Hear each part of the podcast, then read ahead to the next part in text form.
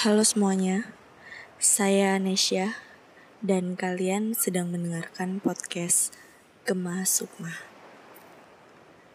Kali ini saya akan bercerita tentang sebuah kisah yang ditulis oleh kawan baik saya, Miranti, yang berjudul Kumat.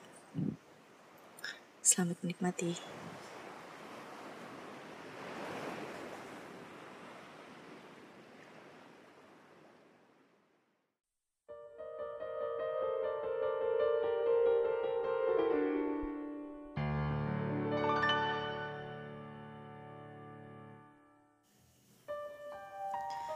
Untuk pertama kalinya, aku masih terjaga sepagi ini. Sejak sebulan terakhir aku bisa kembali tidur di jam normal. Padahal, hampir setiap hari di perantauan aku tidak pernah bisa tidur di bawah jam 10 malam. Pikiranku ruwet tak karuan. Dan kebetulan, tadi siang aku dapat pesan untuk segera menyelesaikan tulisan.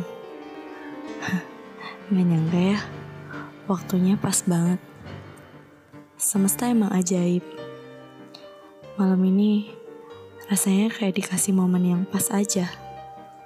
Walaupun bukan momen yang diharapkan mungkin. Sebenarnya aku bukan orang yang pintar ngomong. Gak pernah pede sama sekali kalau ngomong di depan orang asing. Apalagi orangnya banyak.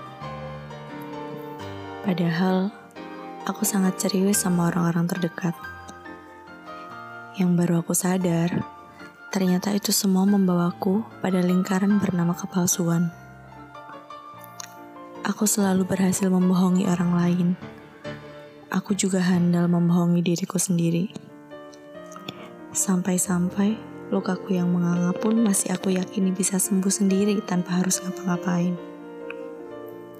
Padahal yang namanya luka itu butuh disembuhkan, bukan cuma sekedar membusuk karena ditutup-tutupi. Berbagai cara sudah aku lakukan. Pergi ke psikolog, ke terapi, konsumsi obat, bahkan seluruh rekomendasi self-healing dari akun-akun mindfulness sudah aku lakukan. Tapi di akhir hari, aku masih selalu bertanya, Bagaimana cara yang tepat? Benarkah lukaku masih bisa sembuh? Lalu, di suatu hari yang lain, aku mencoba menulis. Tapi tetap tak kutemukan di sana. Diriku masih saja dipusingkan dengan pilihan diksi yang palsu. Lalu aku memutuskan untuk pulang berharap ini semua akan terpinggirkan dengan keceriaan anak-anak kecil yang membuatku lupa akan segala perihal perantauan. Olahraga, masak, nonton film, dan tidur tepat waktu. Ternyata aku berhasil.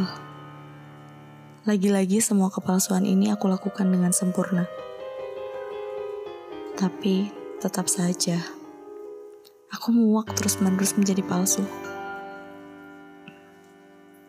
Oh iya, ngomong-ngomong, apa rasanya dibohongi dengan segala kepalsuan?